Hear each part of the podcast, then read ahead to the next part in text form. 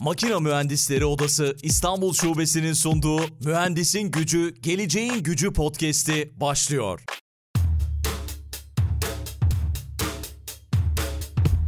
Mühendisin Gücü, Geleceğin Gücü podcast'inin yeni bölümünden herkese merhaba. Bu bölümde konuğumuz Çin'den gerçekten çok çok merak ettiğimiz bir konuyu konuşacağız. Profesör Doktor Ömer Şahin Gani Yusufoğlu şu anda karşımda. Hocam hoş geldiniz. Merhabalar, selamlar. Merhabalar Aykut Bey, merhabalar. Çin'den merhabalar. Çin çok merak ettiğimiz bir yer ve siz de uzun zamandır oradasınız. Tabii dünyanın birçok ülkesinde mühendislik yaptınız. Teknolojileri farklı farklı yerlere taşıdınız, yöneticilik yaptınız. Çok güzel bir kariyer ve merak ettiğim bir yer Çin açıkçası. Ama öncesinde biraz sizi tanıyalım. Neler yaptınız bugüne kadar?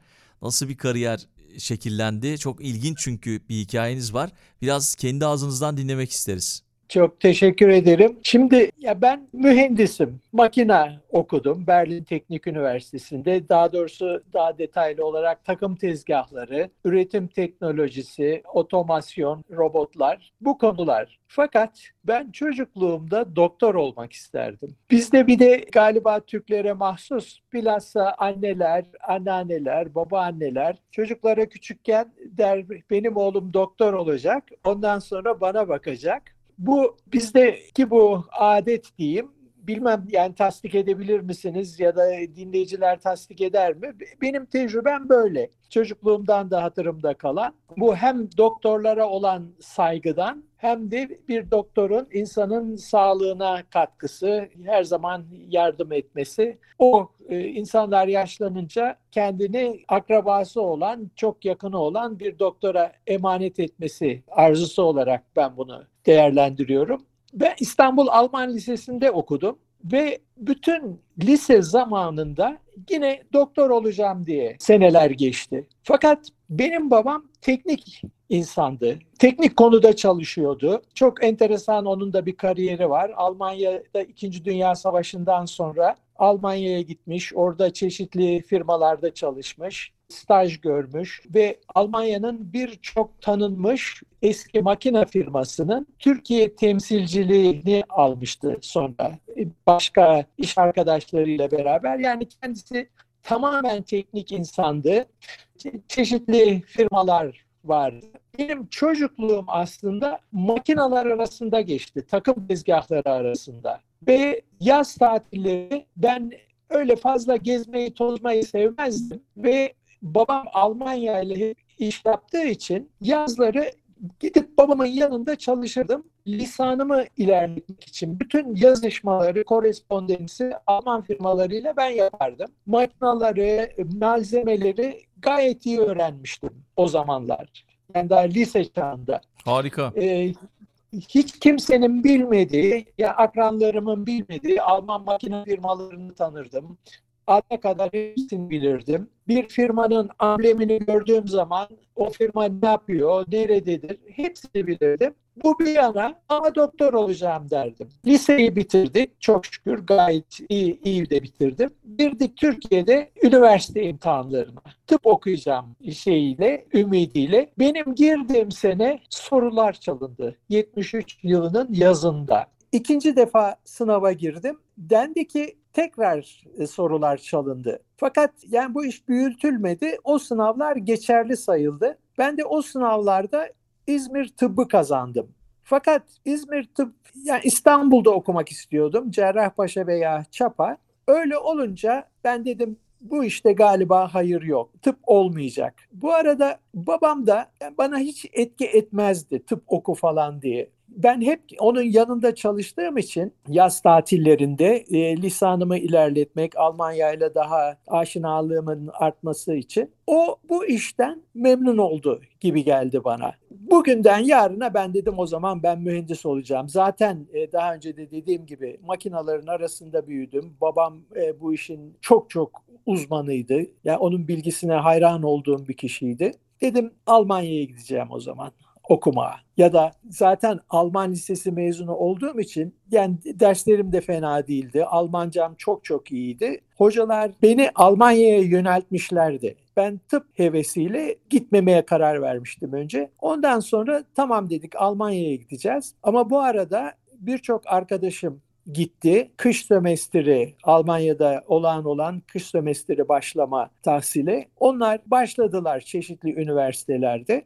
okuma.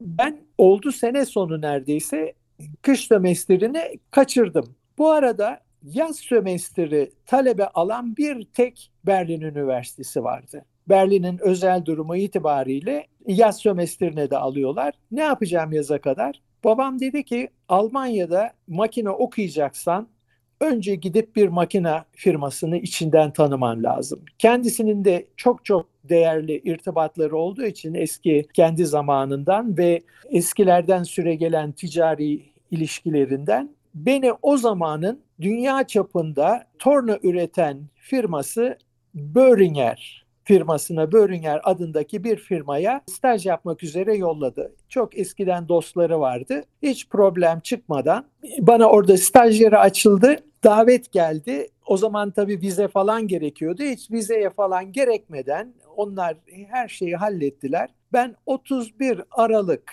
1973 günü bindim uçağa Almanya'ya gittim. Stuttgart Süper. yakınlarında Göppingen şehrine ve 2 Ocak 1974 günü ilk defa Almanya'ya gidiyorum. İlk defa yani baba evinden ayrılıyorum. İki gün sonra Almanya'da staja başlıyorum. Bu staj yaz sömestrine kadar bana o kadar çok şey verdi ki ondan sonra tahsilim tabii daha önceden çocukluğumdan babamın yanında öğrendiğim şeylerle de gayet kolay geçti diyebilirim. Bir de Alman Lisesi'nin bunda çok katkısı var.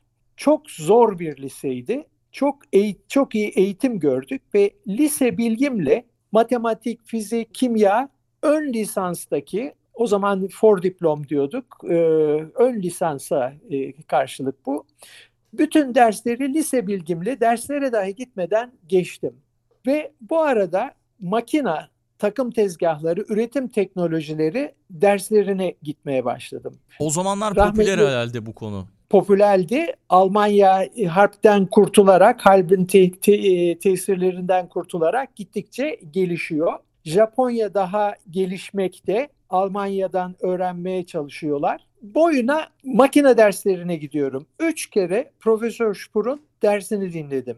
Daha sonra bir gün bana dedi ki sizi her sömestr derste görüyorum. Zannediyorum ki imtihana giriyorsunuz, kalıyorsunuz, tekrar derse geliyorsunuz. Halbuki ben o konulara hayranlığımdan ve bu ön lisans derslerine de gitmem gerekmediğinden boyuna o hocanın dersine gidip dinliyorum. Dinleye dinleye evet. öğreniyorsunuz. Bu arada ben tahsilin yarısından itibaren Profesör Spur'un makine kürsüsünde yardımcı talebe asistan olarak çalışmaya başladım. Robot bölümünde ve birçok dersi önceden aldığım için mesela tahsilin son iki senesi falan haftanın üç günü oraya çalışmaya gidiyordum.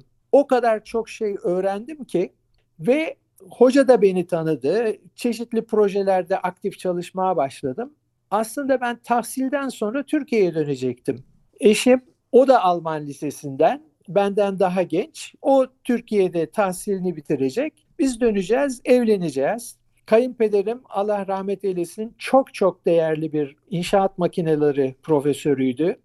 Atatürk'ün ilk 100 okumak üzere Almanya'ya yolladığı olağanüstü gençlerden biriydi. Profesör Sedat Ersoy. Kendisi de tabii Almanya'yı biliyor. Ben Şöyle o arada nişanlıyım da şimdi konudan konuya atlıyorum ama e, Yo, ben de heyecanlanıyorum. Oluyor. Eski günleri e, yaşayınca Türkiye'ye döneceğim. 5 Kasım 1979'da evleneceğiz. Ben tahsili bitiriyorum. Son imtihana giriyorum. Bu tarihten birkaç hafta önce meşhur Profesör Spur'da makine imtihanına giriyorum. Ve Allah yardım ediyor. Çok heyecanlı olmama rağmen o dönemin en iyi imtihanını yapıyorum. En iyi notu alıyorum. Bir de ayrıca üretim teknolojileri dersi vardı. Ondan da öyle. Diploma çalışmasını yapıyorum. Ondan da çok iyi not alıyorum. Ben imtihandan çıkıyorum. Oradaki odama, kürsüdeki odama gidiyorum. İmtihanda asistan vardı.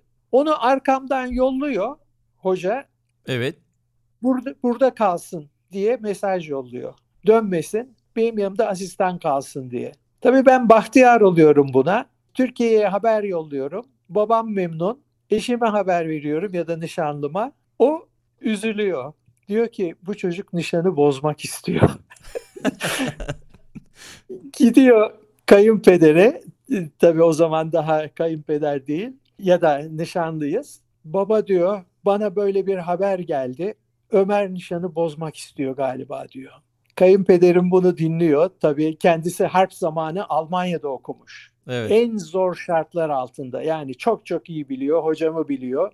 Diyor kızım diyor sen ne düşünüyorsun? Böyle bir hoca bu teklifi yapmışsa tabii ki gide kalacak, sen de gideceksin diyor. Ve böylece benim hayatımda bir dönüm noktası oluyor. Şimdi yani uygunsa daha etraflı anlatıyorum. Çok enteresan Aykut Bey. Yani yeter diyorsanız daha da kısa keserim. E, e, yani hocam anlatabilirsiniz tabii ama yani çok bu tabii güzel hikaye bu. E, belki biraz daha evet. şey tarafına, çalışma hayatı tarafına doğru da ilerleyebiliriz. Tamam. Şimdi çalışma hayatına geleceğim. Bu hocanın yanında yine çok enteresan bir proje yaptım. Endüstriyle iç içe bir küçük bir Alman firmasında bu devletin o zaman projeyi e, kabul ederken, projeye destek verirken ortaya koyduğu bir şarttı. Otomasyon, robot kullanılması, tornalarla birlikte tornaların çalışmasını otomatikleştirmek. Ama dediler ve bu da ilk defa oluyordu Almanya'da. Bir küçük firmayı bulup küçük ve orta boylu firmaları desteklemek için biz bu projeyi kabul ediyoruz, para veriyoruz. Bir firmada gerçekleştireceksiniz bunu. Ve ben Batı Almanya'da o zaman bir firmayla 5 sene çok enteresan bir çalışma yaptım ve geliştirdiğimiz otomasyon sistemini firmada uyguladık. Bu da yani endüstriyle akademinin arasında çalışmaya bir örnekti. Benim doktoram çok ilgi gördü. O zaman doktoralar yayınlanıyordu ya da yayınlanma başlamıştı. Şimdi hep yayınlanıyor. Piyasaya çıktıktan sonra hemen satıldı benim doktoram kalmadı. Bugün almaya kalksanız yok. Bunun üzerine Almanya'da çok meşhur bir Traub firması vardı o zaman. Yine torna yapan ve hızla gelişmekte olan NC teknoloji konusunda da çok söz sahibiydi. Başında da bu Zeppelin vardır ya e, evet. şey Zeppelin ailesinin torunlarından biri bu Graf Zeppelin'in ikinci kuşaktan bir torunu teknik müdürdü. Çok çok tekniğe önem veren bizim üniversiteyle de proje yapan von Zeppelin diye bir kişi. Bu kişi benim çalışmalarımı görüyor. Diyor ki otomasyon ve müşterinin ihtiyaçlarına hitap eden sistemleri geliştirmek istikbaldir diyor. Ve ben beni doktoram bitmeden kendi firmasına geçmek üzere ikna ediyor. İkna ediyor. Ben ondan sonra doktoradan sonra 1984'te doktoramı bitirdim. 85'te bu firmaya geçtim.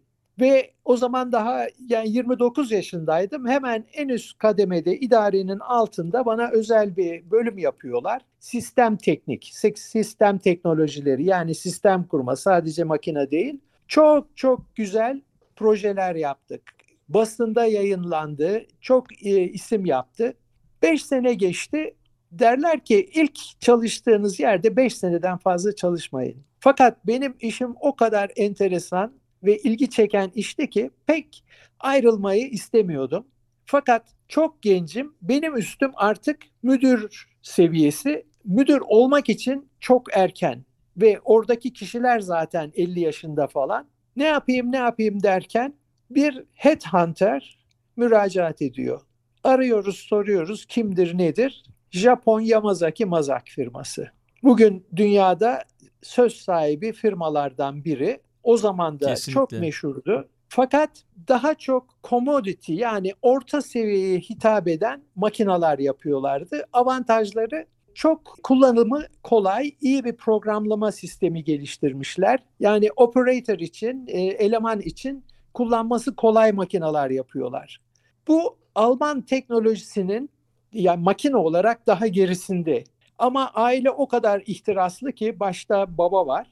E, Allah rahmet eylesin onu da. Diyor ben diyor Almanya'da orta seviye kullanıcıdan çıkıp daha üst seviyelerde firmalara girmek istiyorum. Dünya çapında firmalara girmek istiyorum. Bunu da sağlayacak bir kişi lazım diyor ve beni buluyorlar. Seneler sonra diyor ki niye sizi aldık biliyor musunuz diyor.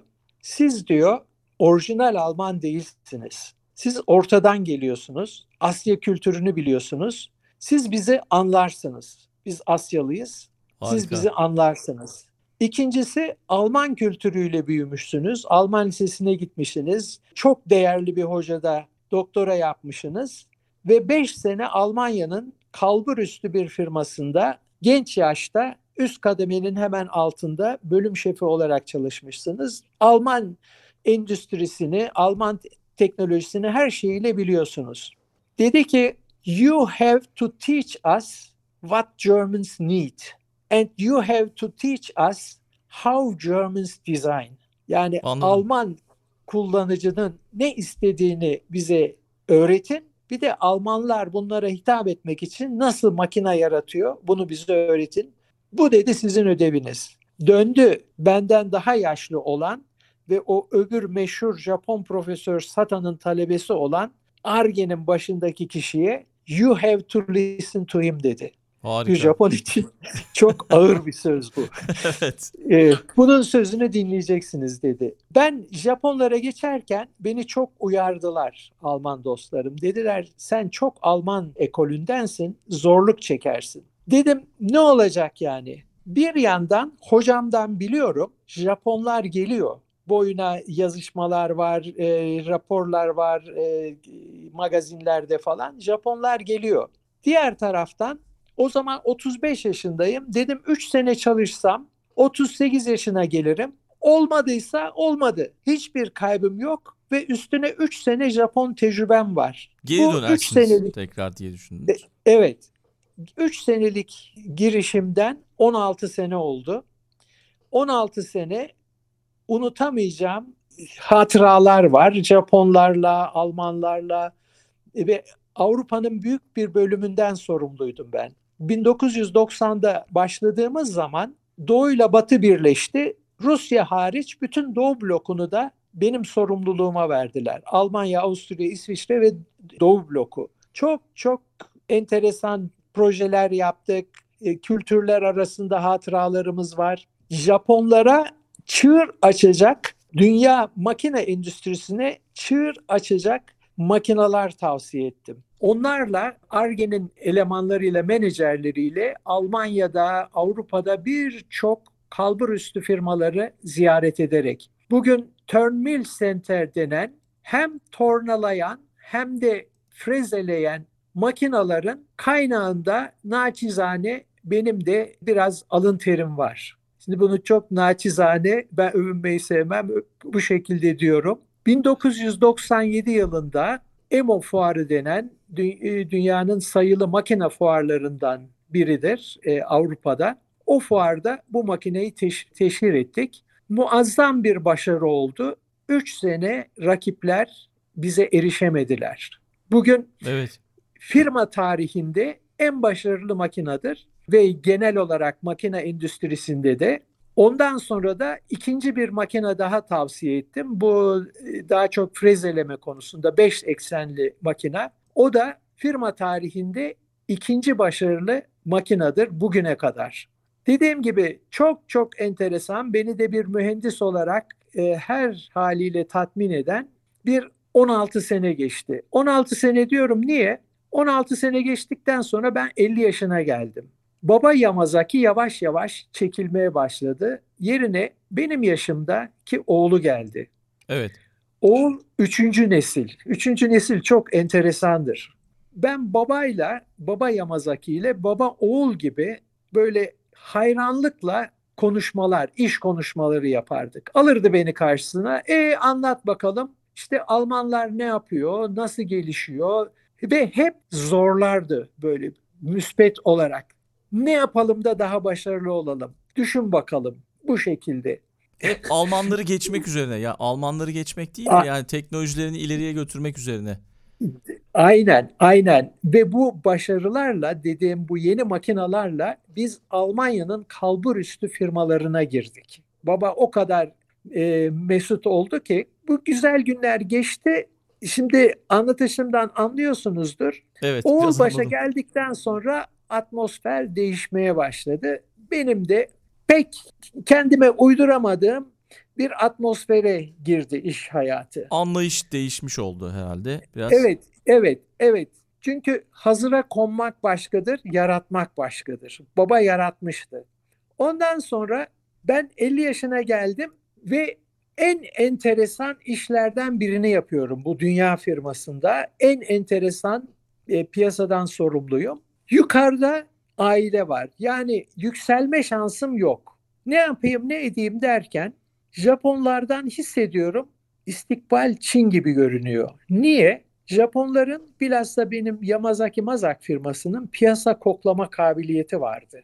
Bunu yaşadım. Bilhassa Doğu bloku ülkelerinde en enteresan piyasalara hemen girerlerdi. Daha doğrusu beni oraya girmeye teşvik ederlerdi. Koklarlardı piyasayı.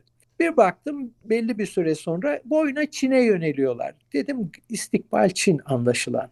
Ve bu arada benim ilk firmam Traup'la en büyük rakibi yaşadığım şehirdeki komşu Index firması birleştiler.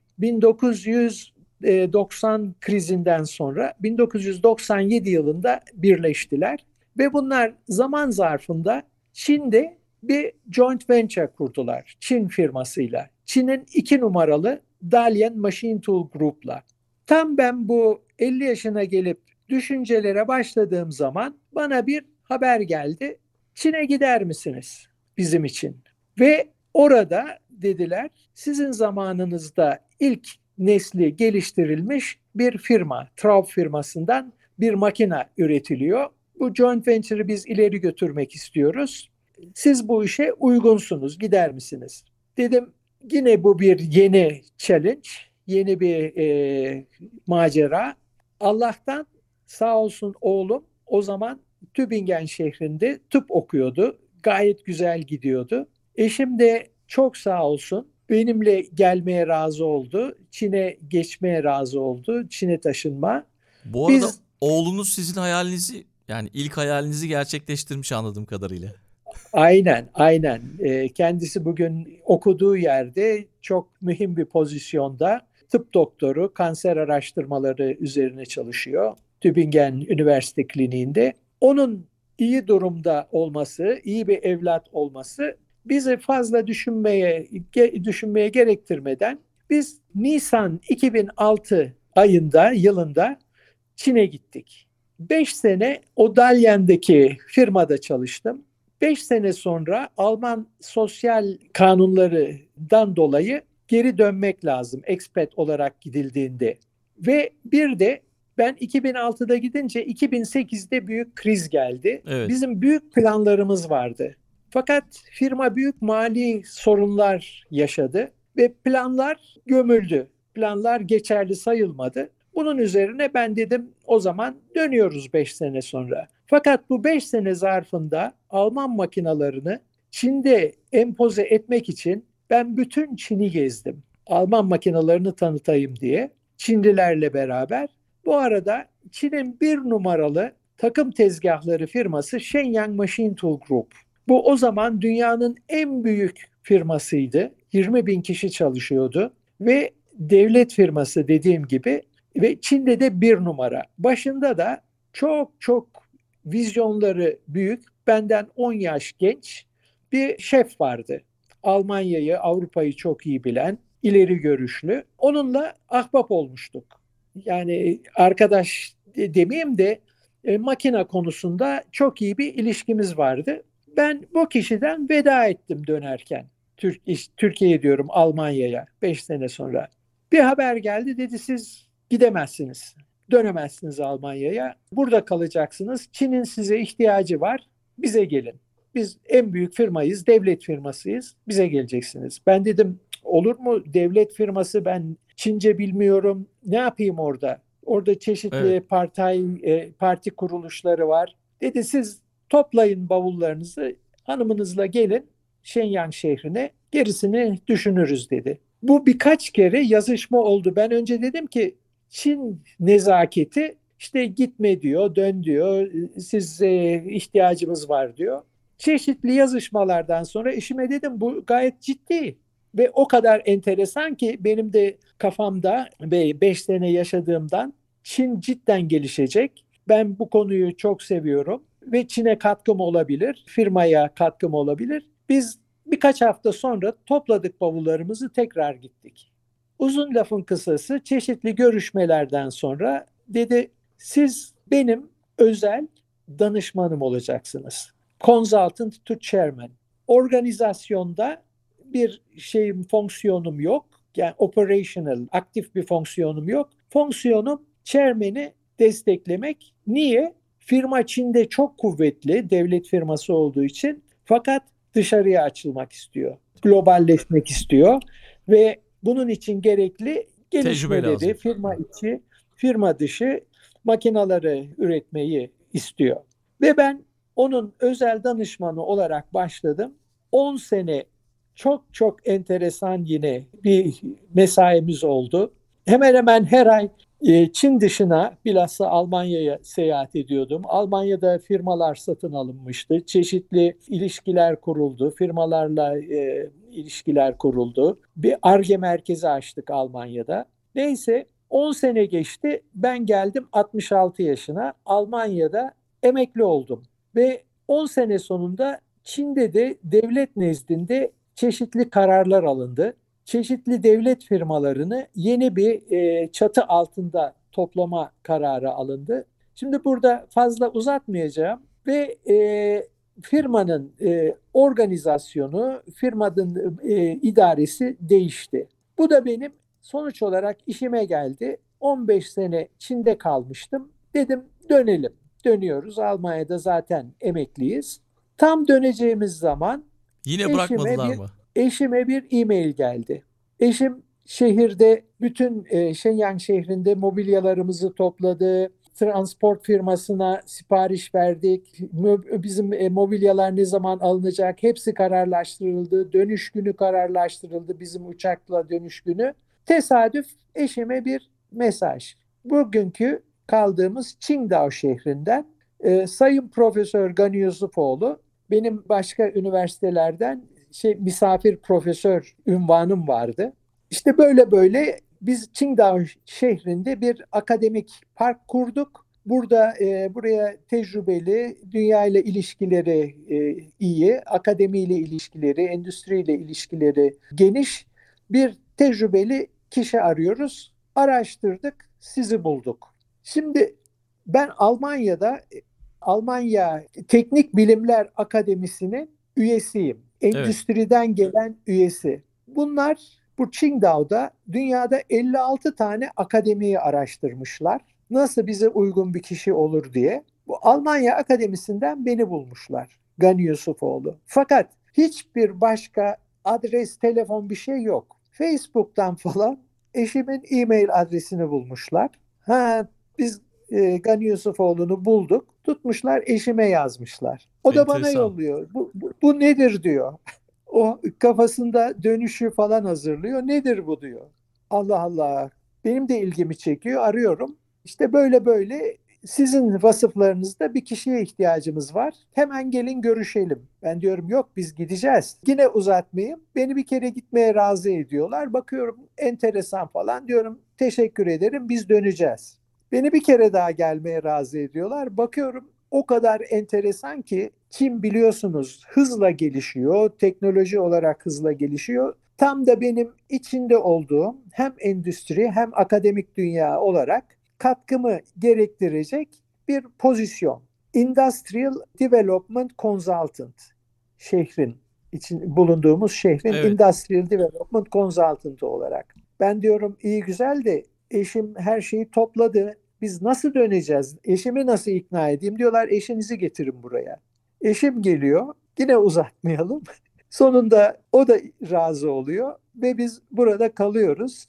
Geçen sene Şubat ayında 5 seneliğine tekrar burada e, yeni bir maceraya başlıyoruz. Çok şükür e, şimdiye kadar memnunuz, pişman olmadık. Korona konusunda buraları çok emin. Evet hocam Böyle. çok enteresan gerçekten. Bir şekilde gitmeye çalışıyorsunuz. Hayat bir şekilde sizi orada tutuyor. Veya evet. ya uzak doğudan Almanya'ya gelmeye çalışıyorsunuz. Önce Japonya sonra Çin sonra bir daha Çin'de. Enteresan bir kariyer hikayesi. Gerçekten çok çok merak ediyordum. Güzel bir şekilde anlattınız. Peki şimdi biz Çin'i konuşacağız. Biraz Çin, Çin'den dünya nasıl görünüyor? Uzun zamandır oradasınız. E, bunu çok merak ediyorum. Çünkü sanki biz, bizler daha doğrusu Çin hakkında çok fazla bir şey bilmiyoruz. Ya da biliyorsak da eksik ya da yanlış biliyoruz. Siz uzun yıllar boyunca Çin endüstrisinin içinde olan biri olarak biraz bunları anlatır mısınız bize? Memnuniyetle, memnuniyetle. Bu soruyu sorduğunuza çok teşekkür ederim. Bütün dünyanın problemi Çin'i bilmemekten geliyor. Ya da Çin'e karşı peşin hükümlü olmaktan geliyor. Çin'i maalesef dünya bilmiyor, ilgilenemiyor.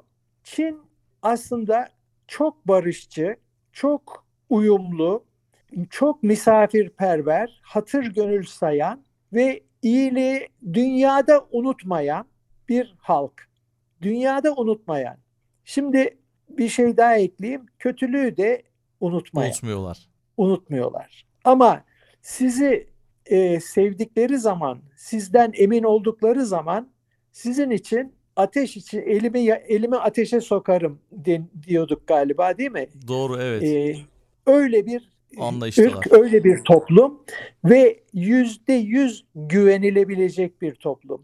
Biz şimdi 16 senedir Çin'deyiz.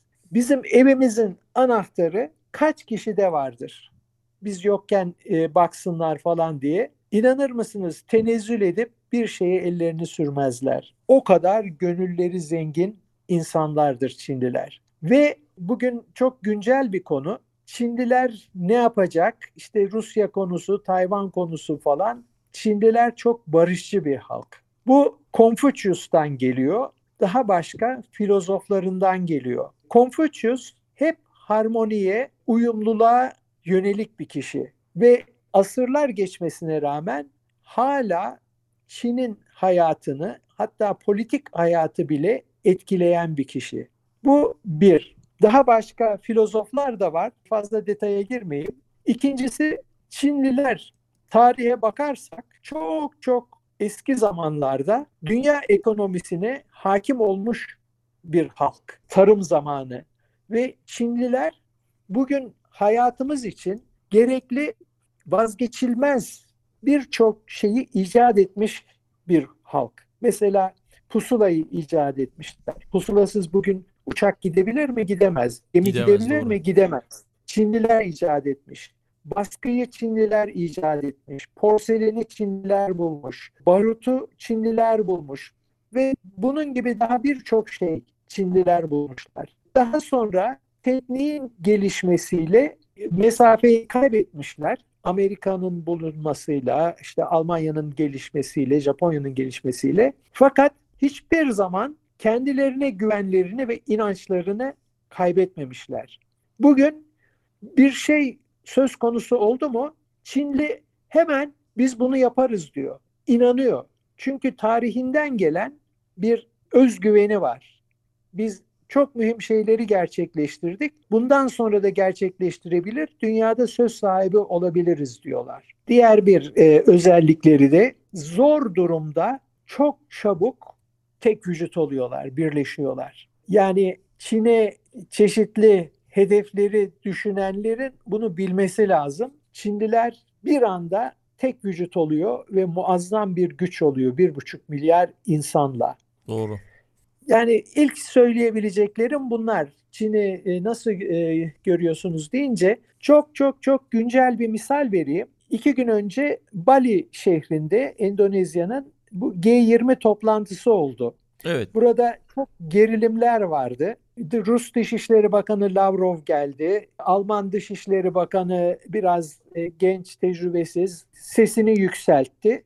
Amerikan Dışişleri Bakanı ile Çin Dışişleri Bakanı bu toplantının yanı sıra görüştüler. Çok çok enteresan resimler gördüm Çin televizyonunda. O kadar bir görüşme kültürü var ki konuşma birbirleriyle iki tecrübeli kişinin sanki 40 yıllık dost gibiler. Öbür insanlara bakıyorsunuz yüzünden belli bir gerilim var. Amerikan Dışişleri Bakanı diyor ki Rusya'ya karşı biraz tavır takının diyor. Çinli de diyor ki Amerika'nın diyor en büyük problemi Çin'e karşı diyor bizi anlayamama. Şimdi fotoğrafını çektim televizyondan. America has a perception problem of China diyor. Yani siz bizi anlayamıyorsunuz diyor. Evet. Şimdi bunun arkasında da şu var. Şunu e, bilhassa dinleyiciler için açıklamak istiyorum. Çin niye karışmıyor Rusya'ya? Aktif müdahale etmiyor. Çin diyor ki bütün bu problemlerin kökü diyor geçmişe dayanıyor. Bugünkü dünya düzeni geçmişe dayanıyor. Ama diyor bugünkü dünya düzeni oluşurken ben masa başında değildim diyor. Bu masada değildim diyor. Bunların hiçbirine diyor dünyada yüzde yirmi nüfus olmama rağmen benim hiçbir sözüm geçmedi diyor. Ben niye diyor karışayım Rusya'nın işine ya da başkasının işine? Şimdi bunun yanı sıra normal ticari ilişkiler devam ediyor. Ama Çin Rusya'ya yardım etmiyor aktif olarak ve karışmıyor. Uçakları bu da durdurdu demiştiniz yanılmıyorsam. Kayıt dışında yaptığımız konuşmada. Azaldı. Çin, şeye Rusya ile uçuşlar gayet azaldı. Yani resmi şeyler dışında. Çin tavır koyuyor ama karışmıyor. Çünkü ben diyor bu, bu işleri buraya getirmedim diyor. Biraz derin düşünürseniz bu konuda Çin haklı diyorum ben ve Çin bir yeni dünya düzeni kurulması taraftarı ve buna da bu harp durumu, Covid durumu falan geçince bu yeni bir dünya düzenine geçilecek. Çin'in amacı bu. Ama hepsi barışçı bir şekilde. Bunu bilhassa söylüyorum 16 senelik tecrübemle. Kesinlikle. Peki hocam şeyi sorsam Türkiye, Almanya, Japonya ve Çin. Bu ülkelerde çok önemli şirketlerde önemli işleri imza attınız. Tabii Türkiye'de babanızın yanında çalıştığınızı düşünürsek o Türkiye evet. hakkında da bilginiz var diye düşünüyorum. Yaptığınız çalışmalar var. Burada biraz bizim de podcast'in adı Mühendisin Gücü, Geleceğin Gücü. Mühendisin gücünü nasıl anlatırsınız? Bu ülkelerde birbiriyle olan benzerlikler, farklar neler? Belki bunlardan bahsedelim. Çok güzel bir soru, çok güzel. Şimdi ben dünyayı ikiye ayırıyorum. Bu bilhassa saydığınız ülkelerde genler, genler, Almanların mekanik genleri var. Bugün Almanya, e, Alman markalarını, Alman ürünlerini düşünün. Aklınıza ne geliyor ilk? Mercedes geliyor, Otomotiv BMW markaları. geliyor, Volkswagen geliyor. Ondan sonra ne geliyor? Siemens geliyor, Krupp geliyor. geliyor, Bosch geliyor. Makina endüstrisine bakın. Birçok dalda Alman makinaları dünyaya hakim. Doğru. Dijitale gelelim. Dijitalleşme konusunda ki dünya artık bir dijital dünya bir Alman firması aklınıza geliyor mu? E, dijitalleşme Geldi. konusunda yani şimdi ben de iki senedir burada, iki buçuk senedir burada yaşadığım için direkt görüyorum yani geri kalmış durumdalar. Aynen. Yani Almanların dijital genleri yok. Çinlilere gelelim. Çinlilerin mekanik genleri yok. Sırf dijital çalışıyor kafaları. Ve firmaların dijitalleşme konusundaki firmaların bir dünya haritasını çizerseniz Amerikalıları bir kenara bırakalım dünyanın önde gelen firmaları Çinliler ve çok kısa zamanda muazzam bir piyasa değeri elde etmişler. Bu Alibaba, Tencent, e, WeChat ve e, TikTok e, Didi, en son. TikTok daha neler neler. Muazzam ilerliyor Çinliler. Japonlara gelince Japonlar Almanlardan çok şey öğrendiler. Bunun 16 sene ben de bir parçasıydım. Alman kullanıcılarla, müşterilerle biz Japonya'yı ziyarete gider, firma davet ederdi, gruplarla giderdik. Onlar firmanın makinelerini kullanıyor, hayran. Ama sokakta araba gördükleri zaman biraz vatan hisleri kabarırdı. Derlerdi şu arabaya bak Mercedes'in birebir kopyası derlerdi. Ya da Mercedes'in en iyi kopyasını görmek istiyorsanız Japonya'ya gelin derlerdi. Şimdi ben bunu menfi olarak söylemeyeceğim. Japonlar Almanlardan çok şey öğrendi ve ben bunu pozitif bir ders olarak Japonlardan aldım. Almanya'da yani bahtiyarım 40 sene üstünde meslek hayatıma baktığım zaman muazzam teknik öğrendim. Muazzam makina tekniğini, genel tekniği Almanya'da öğrendim. Almanlardan Japonlara geçtiğim zaman tabii benden çok şey duymak istiyorlardı. birçok toplantılara katıldım. Bütün ARGE departmenti beni konuşturup öğrenmek isterlerdi. Ben Alman dizaynlarını gösterdiğim zaman gülerlerdi. Derlerdi ki siz yüzde 120 iyi yapıyorsunuz, yüzde 80 satıyorsunuz. Biz yüzde 80 iyi yapıyoruz, yüzde 150 satıyoruz. Evet. Yani Japonlardan ben e, sales and marketing öğrendim. En iyi makinayı, en iyi ürünü yapmak değil, dünya piyasasında en iyi satabileceğiniz ürünü yapmak mühim. Yani Japonlar Alman teknolojisinden öğrenip dünya piyasasına açılmayı çok çok iyi becerdiler. Ben de bunun parçasıydım. Sizin de katkılarınız var anladığım kadarıyla burada evet, çok fazla. Bana hmm. evet büyük bir tecrübe oldu bu. Çinlilerin dijital genleri olduğunu söyleyeyim. Mekanik gen olması biraz da sabır ve sebat gerektirir ve kaliteye yüzde yüz önem gerektirir. Ben sabrın altını çizmek istiyorum. Çinliler sabırsız insanlar. Bizim gibi yani. Aynen, aynen. Şimdi onu diyecektim. Size soracaktım. Bize hangi kategoriye koyuyorsunuz diye. Biz de sabırsızız. Bir işi yüzde yüz yapmak yerine yüzde seksen de yapsak olur, iyi olur.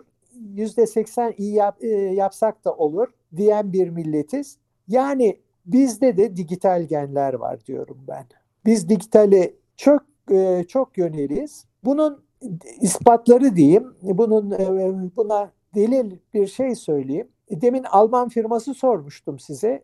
Almanya'da dijital konusunda bir tek SAP firması var. Evet evet onu unuttum evet SAP. Evet. Ben bugün dünyanın neresine gitsem bir Türk grup görüyorum bir yerde. Çin dahil. Ne yapıyorsunuz? Nereden geldiniz diyorum. Diyorlar ki SAP'ye çalışıyoruz. SAP'nin software'lerini yapıyoruz. İşte uygulamak için Çin'e müşteriye geldik. Ne bileyim Amerika'ya müşteriye gittik. Şuraya gittik, buraya gittik. Buradan görüyorum ki bizim dijital genler var. Ve Kesinlikle. Çinlilerle Türkler çok işe yönelik, iş yapmaya yönelik, business oriented e, toplumlar. Ben dünyada e, 4-5 tane çok business oriented yani deha seviyesinde toplum görüyorum. Biri Çinliler, biri Hintliler, biri İsrailliler, biri de Türkler. Kesinlikle. Geçtiğimiz Böylece, günlerde bir istatistik vardı hocam. Avrupa'da en çok mobil bankacılığı kullanan yani oran olarak Türklermiş. Mobil bankacılığı biz bir numaraymışız. Mesela Almanlar hayatta kullanmıyorlar. Gençleri de kullanmıyor enteresan evet, bir şekilde. Evet. Çok hikaye... enteresan ama Alman e, karakterine uyuyor. Çünkü onlar hardware istiyor. Demir çelik görmek istiyor. Dijital görünmeyen bir şey. Görmediği şeye inanmıyor Alman. Çin'e evet gelin, kağıt istiyorum ben diyor kağıt.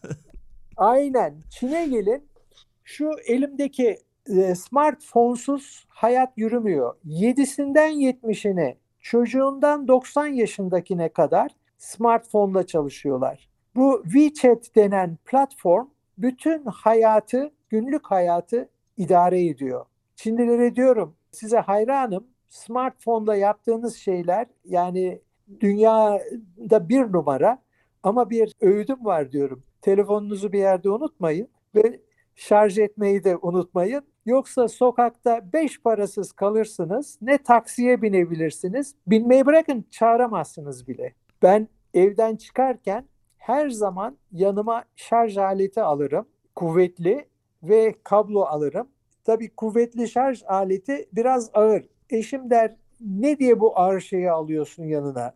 Derim onun olmadığı zaman anlarsın onu niye Doğru. alıyorum. Doğru. Hiçbir şey yapamazsınız. Bütün bu Covid konusunda sağlık kodları, şu bu hepsi hepsi günlük hayat smartphone'la dijital idare ediliyor Çin'de. Peki hocam şunu sorsam geleceğin dijital dünyası için nasıl mühendislere ihtiyaç var? Bu da çok enteresan bir soru. Eskiden e, derdik ki makine okuyoruz ya da bir pratik eğitim görenler e, yani üniversiteye gitmeyip sanat öğrenenler torna tesviyeci olur derdik. E, mekanik okur ya da e, öğrenir, elektrik öğrenir. Bir zaman sonra mekatronik çıktı Almanya'da. Çünkü elektronik işin içine girdi. Mekanik ve elektroniği birleştiren dallar çıktı. ekonomi mühendisliği çıktı. Sadece makine değil, sadece ekonomi değil.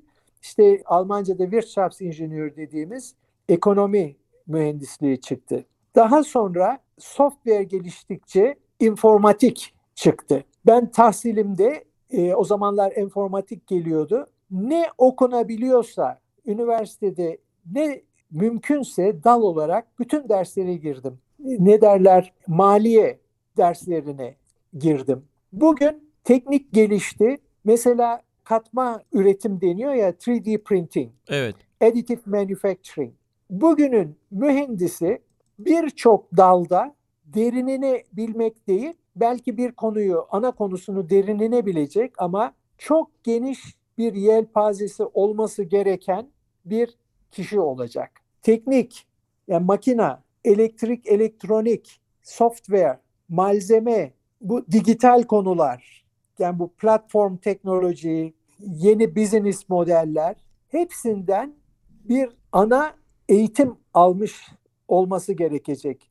Çünkü bir firmanın idaresi bugün idareci seviyesine geldiğiniz zaman ben bunu bilmiyorum demeyi affedecek bir pozisyon değil. Doğru. Dünyada gelişmeleri yakından takip etmek lazım ve bunları da pozisyonun gerektirdiği şekilde öğrenmek lazım. Yani şartlar çok değişti.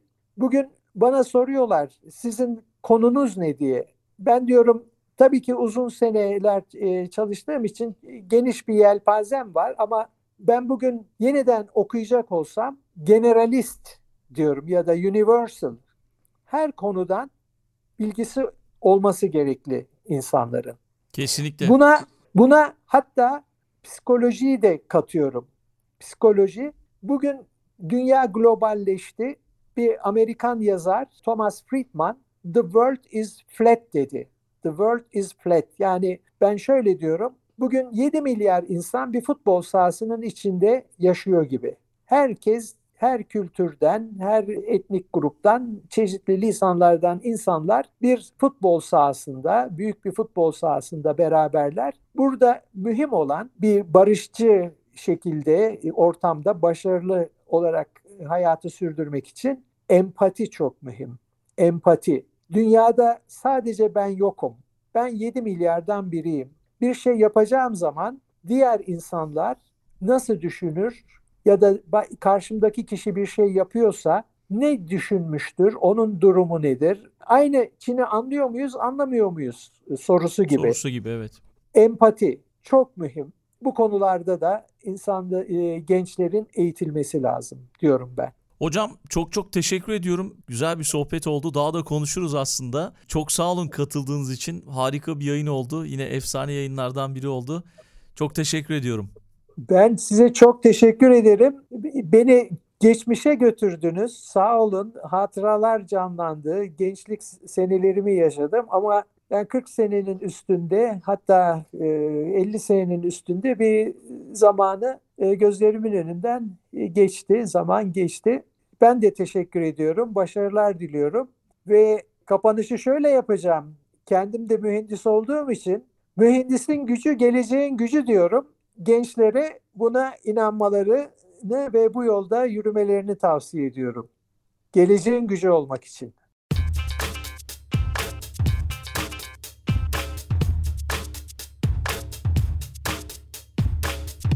Makina Mühendisleri Odası İstanbul Şubesi'nin sunduğu Mühendisin Gücü, Geleceğin Gücü podcast'i sona erdi.